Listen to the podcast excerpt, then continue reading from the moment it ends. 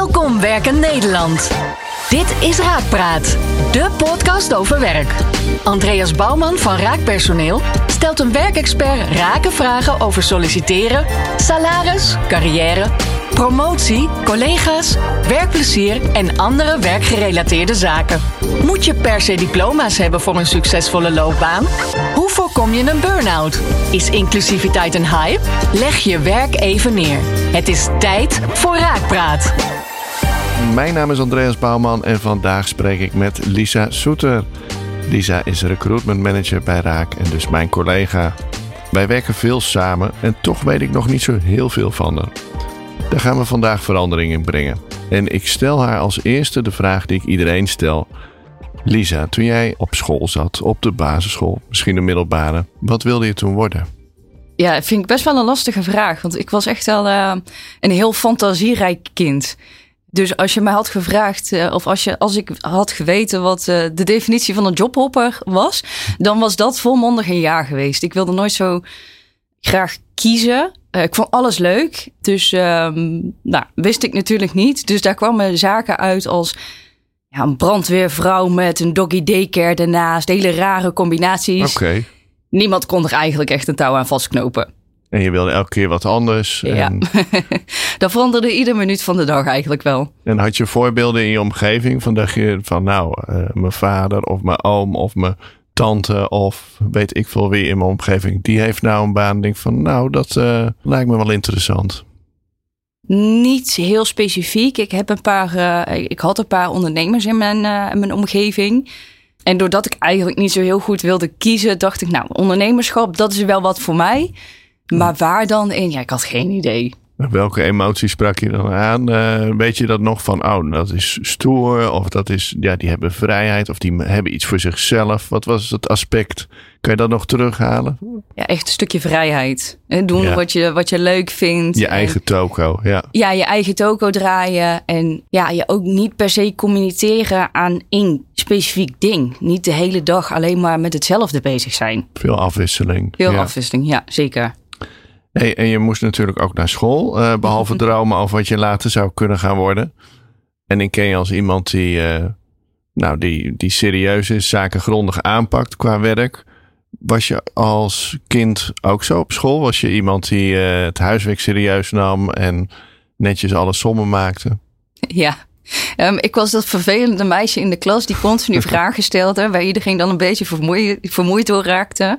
Komt ze weer aan? Kreeg je wel de beurt? Stond je, of zat jij dan met je hand omhoog en dan uh, niet weer, Lisa? Of, uh... Zo erg was het gelukkig niet. De, de docenten konden het altijd wel waarderen, de vragen die ik, die ik stelde. Maar ja, ik nam dat heel serieus. Ik wilde echt vooruit gaan. Ja. Um, en die drive die zat daar toen al in. Je wilde zelf innoveren al. Ja. Ja. ja, op een gegeven moment ga je naar de basisschool, de middelbare school. En dan komt het vaak uh, tot iets serieuzere opties die je dan wil worden. Kan je nog terughalen wat voor jou de eerste banen uh, waren waarvan je dacht van... hé, hey, dat lijkt me misschien wel wat. Uh, dat je 14, 15, 16 was. Ja, ik, op je, wat zal het zijn... Um 14e, 15e moet je echt al wel serieuze keuzes maken. En ik herinner me echt dat daar bij mij een stukje weerstand uh, zat. Uh, om die keuzes überhaupt te maken. Um, maar wat ik bijvoorbeeld heb overwegen is uh, de advocatuur. Om, om die kant op te gaan. De economische beroepen die spraken mij ook heel erg aan. en tegelijkertijd vond ik bijvoorbeeld zorg en welzijn ook heel leuk. Dus wat ik serieus heb uh, bekeken is, uh, is die advocatuur. En toen ben ik eigenlijk wel gelijk overgestapt naar het innovatiemanagement. Dat kwam toen toevallig op mijn pad. Ja. Dat was eigenlijk het tweede wat ik echt serieus uh, ging bekijken. Een meeloopdag. En daar was het ook gewoon meteen raak. Ik wist dat ik daar goed zat. Ja, het heeft natuurlijk ook veel raakvlakken met van als je houdt van verandering, jezelf ontwikkelen en nieuwe dingen blijven doen. Ja, ja dan zit je met innovatiemanagement natuurlijk wel goed. Ja, ja. En dat was echt een specifieke opleiding, hè, heb ik begrepen. Of was het een onderdeel van je opleiding of wat? Nee, het is eigenlijk uh, innovatiemanager uh, management is de major. Het heette toen nog Advanced Business Creation. Het was een oh ja. nieuwe opleiding in Nederland. Dus ik was ook eigenlijk een soort van, uh, van proefkonijn. En nu hebben ze het geloof ik veranderd naar business innovation. Mhm. Dus uh, ja, het gaat echt specifiek over het innovatiemanagement. stukje marketing komt daarin, stukje strategie, bedrijfsvoering. Ja, daar, daar kan ik een stukje van mijn creativiteit heel erg, uh, kon ik daar heel erg in kwijt. Maar ook mijn analytische zijde. En met het innovatiemanagement kan je je met van alles bezighouden. Je hoeft die keuze niet te maken. Nee. Nou gaat het om een product, een dienst, uh, een proces. Je, je, je, kan alle kanten op. En dat sprak mij toen heel erg aan. En wat, uh, want ik denk dat dat ook echt een combinatie is die weinig mensen hebben. Creatief en analytisch, cijfers en nou ja, mensen. Dat, dat zijn toch, uh, vaak kiezen mensen voor het een of het ander. Als je terugkijkt op die opleiding, wat zijn dingen die je denkt van nou, ja, daar, daar heb ik nu nog steeds uh, in de praktijk iets aan? Eigenlijk heel veel. Wat ik daar echt heb geleerd is dat je kan het niet alleen. Om te vernieuwen, om te innoveren heb je andere mensen nodig. En daar heb je ook draagvlak voor nodig. Je kan zelf heel veel bedenken, maar wat er in jouw hoofd zit is niet per se altijd het juiste. Uh, dus je hebt daarin een sparringspartner nodig.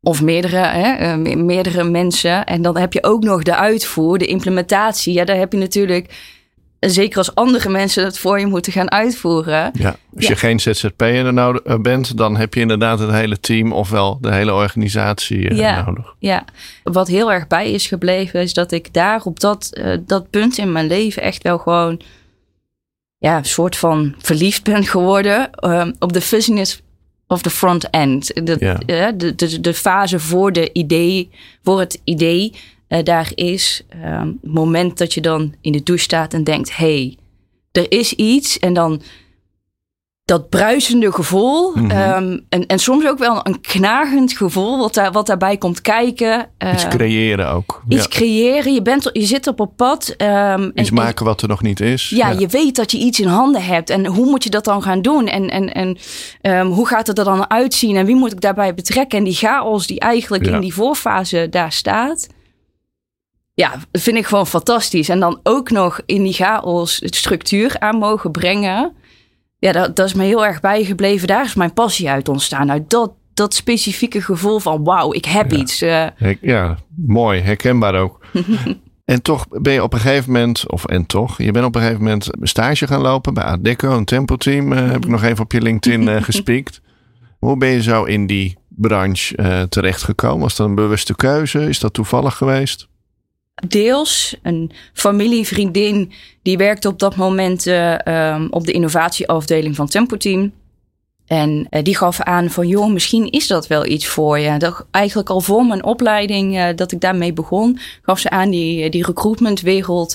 Ik denk dat dat bij je zou passen. Um, dus ik heb haar opgebeld. Ik zoek een stageplek. En um, ja, mag ik dan bij jullie? Ja. Uh, zodoende dat ik dan uh, ja, bij, bij Tempo Team terecht ben gekomen. Destijds was er een grote reorganisatie. Dus het team werd naar Randstad verplaatst. Dus uiteindelijk ook een kijkje mogen nemen in de, in, op de innovatieafdeling van Randstad. En daarna nog een, ja, een kleine uitzender, een afstuderen stage gedaan. Was dus, dat een grote afdeling bij Tempo Team slash Randstad? Of, uh... Ja, daar zaten best wel wat mensen. Ja. maar goed, die werden gefuseerd, die twee afdelingen. En was je onder de indruk van de projecten waar ze mee bezig waren? Dacht je van, wauw, dat is vooruitstrevend? Of, uh... ja, ja, zeker. Ik was echt wel onder de indruk. Ik ging daar ook best blanco in. Ik wist niet zo heel goed hoe dat bij bedrijven eruit zou komen te zien, zo'n innovatieafdeling. Mm -hmm. En de mensen die daar werkten en de projecten waar ze dan mee bezig waren. Um, ja, ik voelde me daar wel echt als een vis in het water. Ja. Ik heb ook nog gezien dat je een minor trendwatching hebt gedaan. Ja, dat vond ik eigenlijk, dat wist ik eigenlijk ook niet van je. Uh, heb je daar nog iets uh, van opgestoken of meegenomen? Weet je dat? Uh... ja, het was eigenlijk. Um, trendwatching was al best wel een groot onderdeel van, van die innovatieopleiding. Slag in het verlengde. Ik wilde me wat meer gaan specialiseren op, uh, op scenario planning. Daar komt vooral hè, dat stukje creativiteit, maar ook het, het strategische, het doorplannen ja. van dingen uh, in terug. Dus ik dacht, nou ja, in, um, in het verlengde kan ik daar misschien wel wat meer uithalen. Dus als we iets gaan veranderen binnen een organisatie, wat voor impact heeft het dan op A, B en C? Ja. Is dat, uh, Ja. Dat gedeelte, ja. Ja, en ook echt gewoon hè, de, de scenario planning van over, ja, to- toen planden we door naar 2030. Ja, Ehm, dat is natuurlijk nu iets dichterbij dan dat het toen was. Dus ja, dan krijg Ja. je echt hele leuke, leuke scenario's. precies. Innovatie, dat is volgens mij ook een term die niet altijd helemaal goed wordt begrepen. Of in ieder geval die door verschillende mensen anders wordt gezien. Wat versta jij onder innovatie? Heb je daar wel eens over nagedacht van eh, hoe je dat begrip zou definiëren? Ja, er zijn inderdaad heel veel mensen met verschillende eh, eh, begrippen. Ik vind het fijn om de, de wat algemenere definitie te gebruiken. Dus voor mij is innovatie ehm, een succesvolle toepassing van een vernieuwing op proces, product of eh, dienst. Ja, dat is natuurlijk best wel eh, breed. En daarbinnen maak ik wel het onderscheid van nieuw voor een organisatie, nieuw voor de branche, nieuw voor al het andere.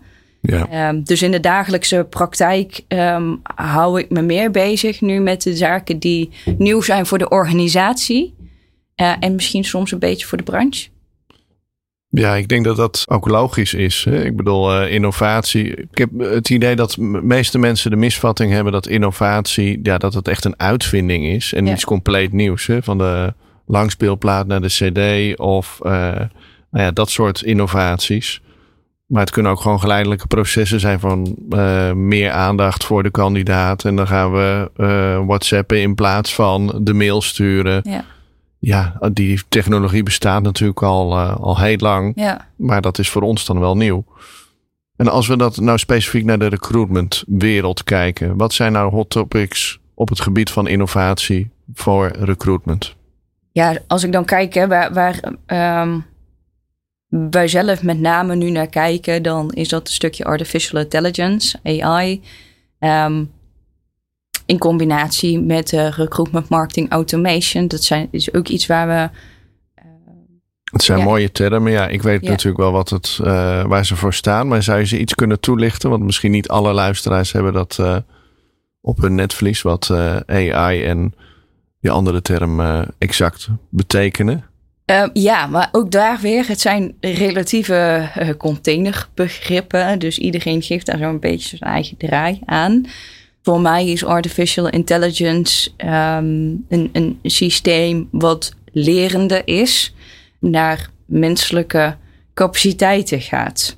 Ja. Ehm, Ik heb trouwens de definitie een paar weken of maanden geleden zelf opgezocht. En dat lerende aspect, hè, wat ik ook dacht Ja. dat erbij zat, dat valt in die definitie geen eens. ja, Dus het is gewoon een, ja, iets wat kan nadenken, maar niet per se eh, zichzelf steeds beter maakt. Al bestaat dat natuurlijk ook. En Ja. versta ik dat er eigenlijk ook onder. Dat Ja. je dus leert van fouten en dat een eh, schaakcomputer is bijvoorbeeld een voorbeeld. En dat hij ook dus ook van zijn eigen fouten leert en daardoor steeds beter wordt. ja.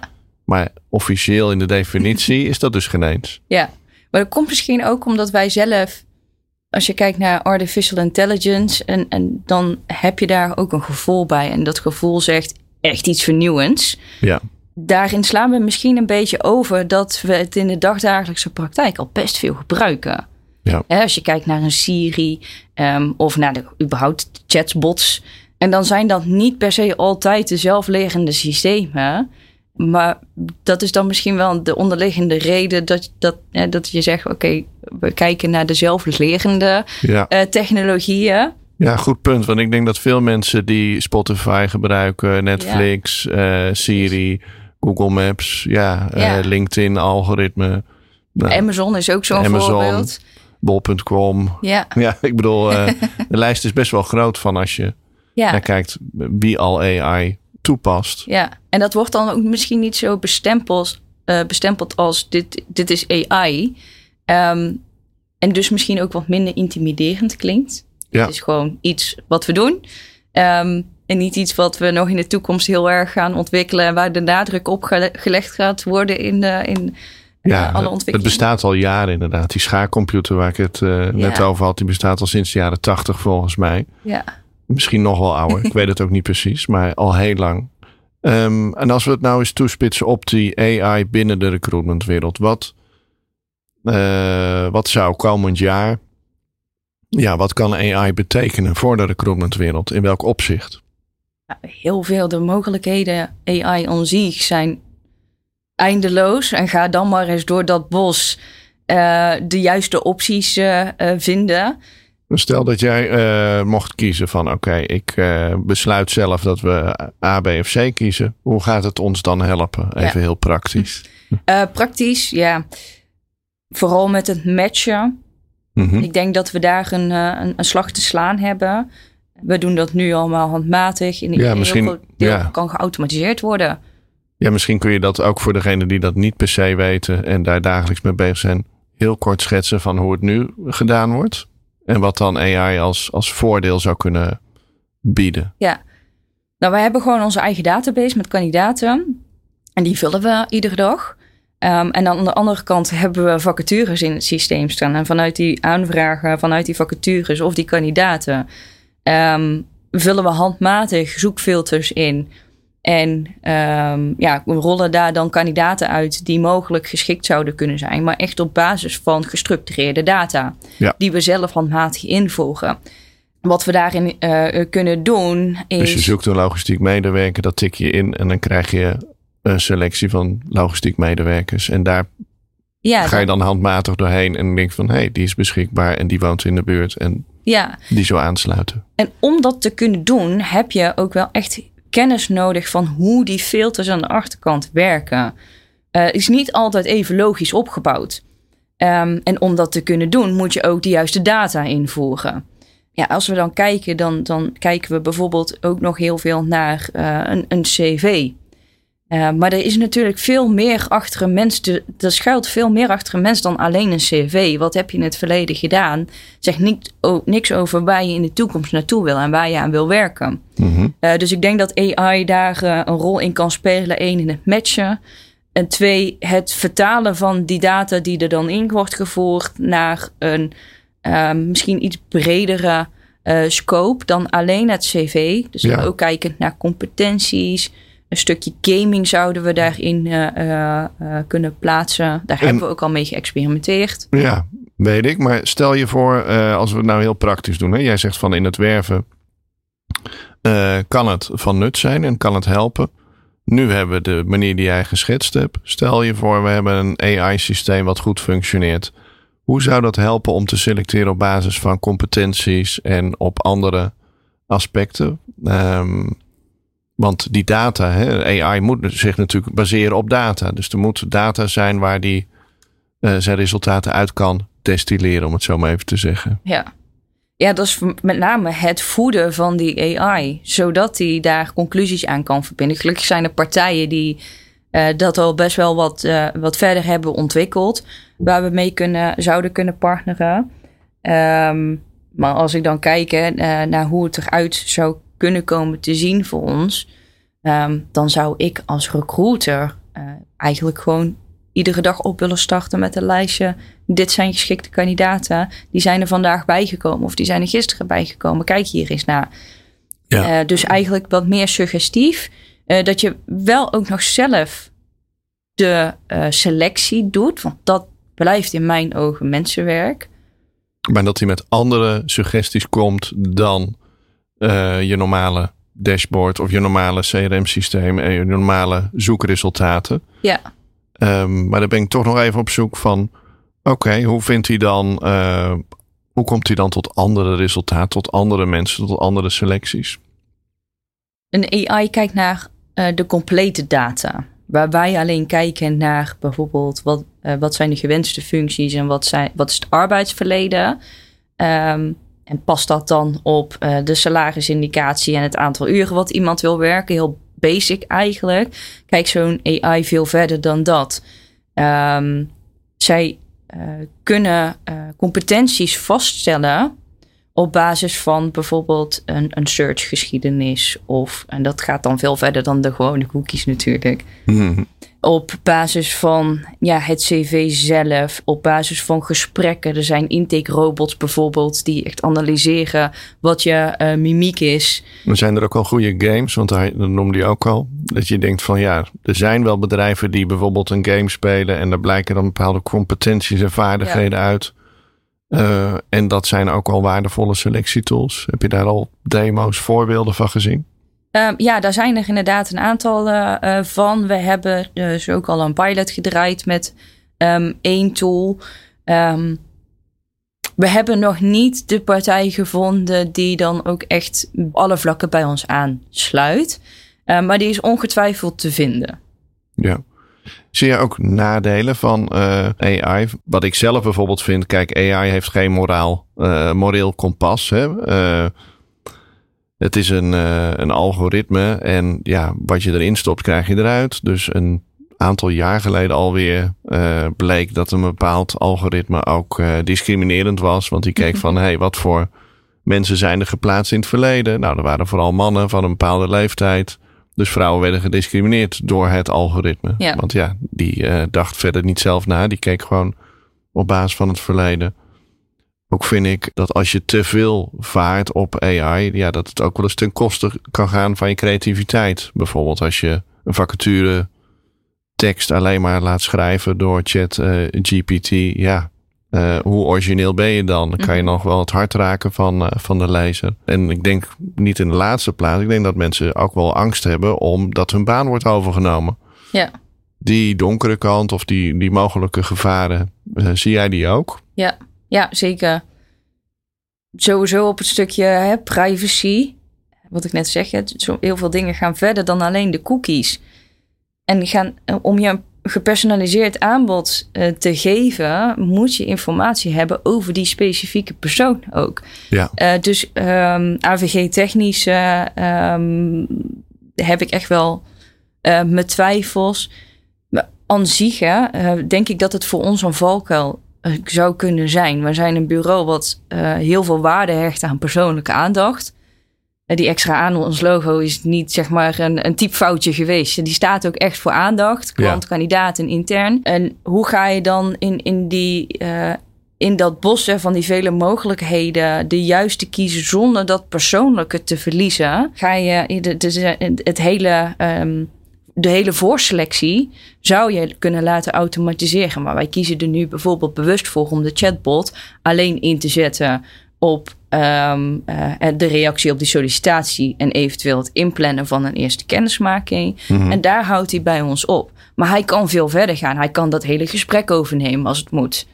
Maar dat zie jij voorlopig in ieder geval nog niet uh, als toegevoegde waarde. Nee, want daar, daar ben ik bang voor dat we dan onze persoonlijke touch uh, verliezen. En dat is juist uh, iets waar we, waar we voor staan. Eh, dus dat is ja, een enorm groot gevaar. En ik hoor je net zeggen, eh, banen verliezen. Um, ja, we zijn al jaren um, in niemands land over het verschijnen, verdwijnen en veranderen van banen. Dat zal altijd blijven. Die arbeidsmarkt is dynamisch. Maar hoe dat eruit komt te zien, precies een paar jaar geleden uh, um, is er een lijst opgesteld met banen die allemaal geautomatiseerd kunnen worden. Ja. Ja, dat kan. Maar je kiest ervoor om het te doen of niet. Um, nee, ik denk daar dat, zijn andere keuzes in gemaakt. Ja, helder. En ik denk ook dat je eerlijk moet zijn dat sommige banen die uh, veelal geautomatiseerd kunnen worden, ja, uh, dat die op een gegeven moment ook zullen verdwijnen administratieve taken, die kunnen heel vaak goed geautomatiseerd worden. Dus die zie je ook verdwijnen. Ja. Uh, zolang we mensen maar blijven opleiden en begeleiden naar nieuwe banen, is daar natuurlijk uh, ook niks mis mee. Ja, zeker. Ik wilde met jou ook nog even hebben over uh, de Eneco vacature website. Um, daar vond je iets goed aan. Wat vond je daar goed aan? En kunnen wij daar eventueel iets bij leren bij Raak? Ehm, ja, zij, zij past dus AI toe door voor iedere bezoeker een gepersonaliseerde eh, vacaturepagina aan te bieden. En wat ik zeg, dat gaat veel verder dan cookies, maar die zijn er wel natuurlijk onderdeel van. Um, maar iedere bezoeker krijgt dus uh, een, een, ander, uh, een andere pagina eigenlijk te zien. Ja. Wel uit dezelfde componenten, maar die componenten die worden geswitcht. En daar komen natuurlijk eindeloze mogelijkheden uit. En op dat persoonlijk niveau ja, daar zouden wij ook naar kunnen kijken om dat te doen. Om uiteindelijk die kandidaat nog verder te interesseren voor zo'n baan. Ja. En zij hebben dat bij hun werken bij website? Ja, ja precies.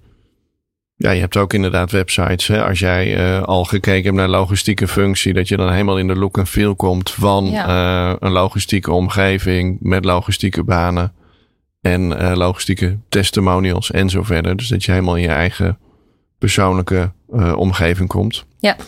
Um, nog een vraag over innovatie. Hè? je kunt van alles en nog wat doen bij Raak om te verbeteren.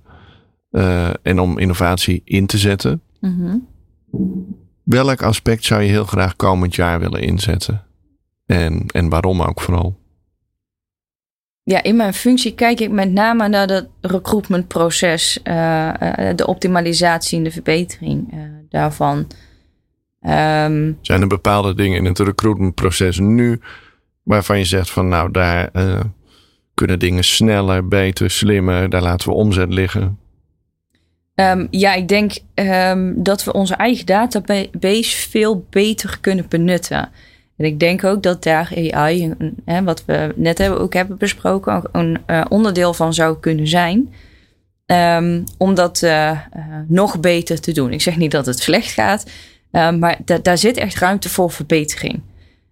die kandidaten die zijn al eenmaal bij ons binnengekomen. daar hebben we al heel veel tijd in geïnvesteerd. En zij even goed ook in ons. Die wil je ook verder helpen aan een baan. En als we ze dan eenmaal naar een baan hebben gekregen, dan is ons doel ook dat ze uiteindelijk een baan hebben voor de lange termijn. Maar komen ze ergens in hun loopbaan weer op een punt dat ze van baan willen wisselen, ja, dan willen ze weer terug hebben naar ons. Om ze weer aan, aan de volgende baan te helpen. Ja. Dus ook die, die um, lifetime loop, om het zo maar te zeggen. Um, ja, ik denk dat we daar ook um, ja, echt nog wel winst te behalen. Ja, als ik het goed samenvat, twee aspecten van hè, als er iemand solliciteert op een baan, zijn natuurlijk ook altijd mensen die worden afgewezen. Dus al die mensen waar we wel contact mee hebben, maar niet direct hebben kunnen helpen, om daar ook uh, aandacht voor te hebben. Ja. En mensen die eenmaal via ons aan het werk ergens zijn gegaan, ook om daar het contact warm te houden.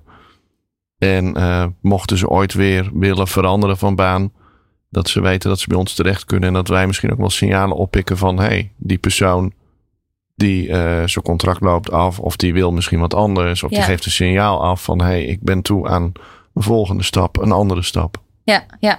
Ja, en er zijn um, heel veel factoren die, die dat nu hè, door middel van AI ook aan het voorspellen zijn. Dus zelfs al hebben wij ze uit het oog, min of meer verloren. Hè, want ze, ze zijn door ons uh, bemiddeld en hebben uiteindelijk een vaste baan.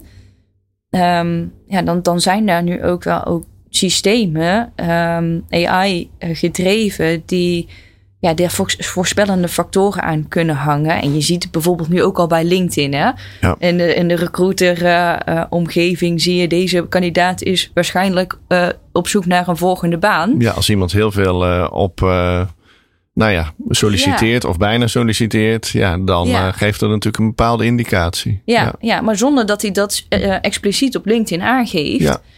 Um, nou goed, dat zijn allemaal voorspellende factoren, waardoor er bij ons ook weer een seintje kan komen. hey, dat is toen goed gegaan. Uh, we, laten we kijken of. Neem even contact op. Ja.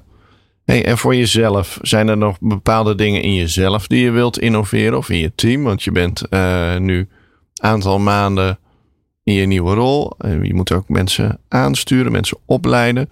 Um, zijn er vaardigheden die je in jezelf wilt verbeteren? Of heb je bepaalde ambities uh, voor jezelf bepaald wat je wilt bereiken? Um, nou ja, leiderschap is wel iets wat, uh, ja, waar ik eigenlijk geen ervaring mee opgedaan heb. Dus competentiegericht uh, zou ik dat wat verder willen ontwikkelen. En wat je zegt, ik, ik, ik geef nu uh, sturing aan uh, de recruitment specialisten.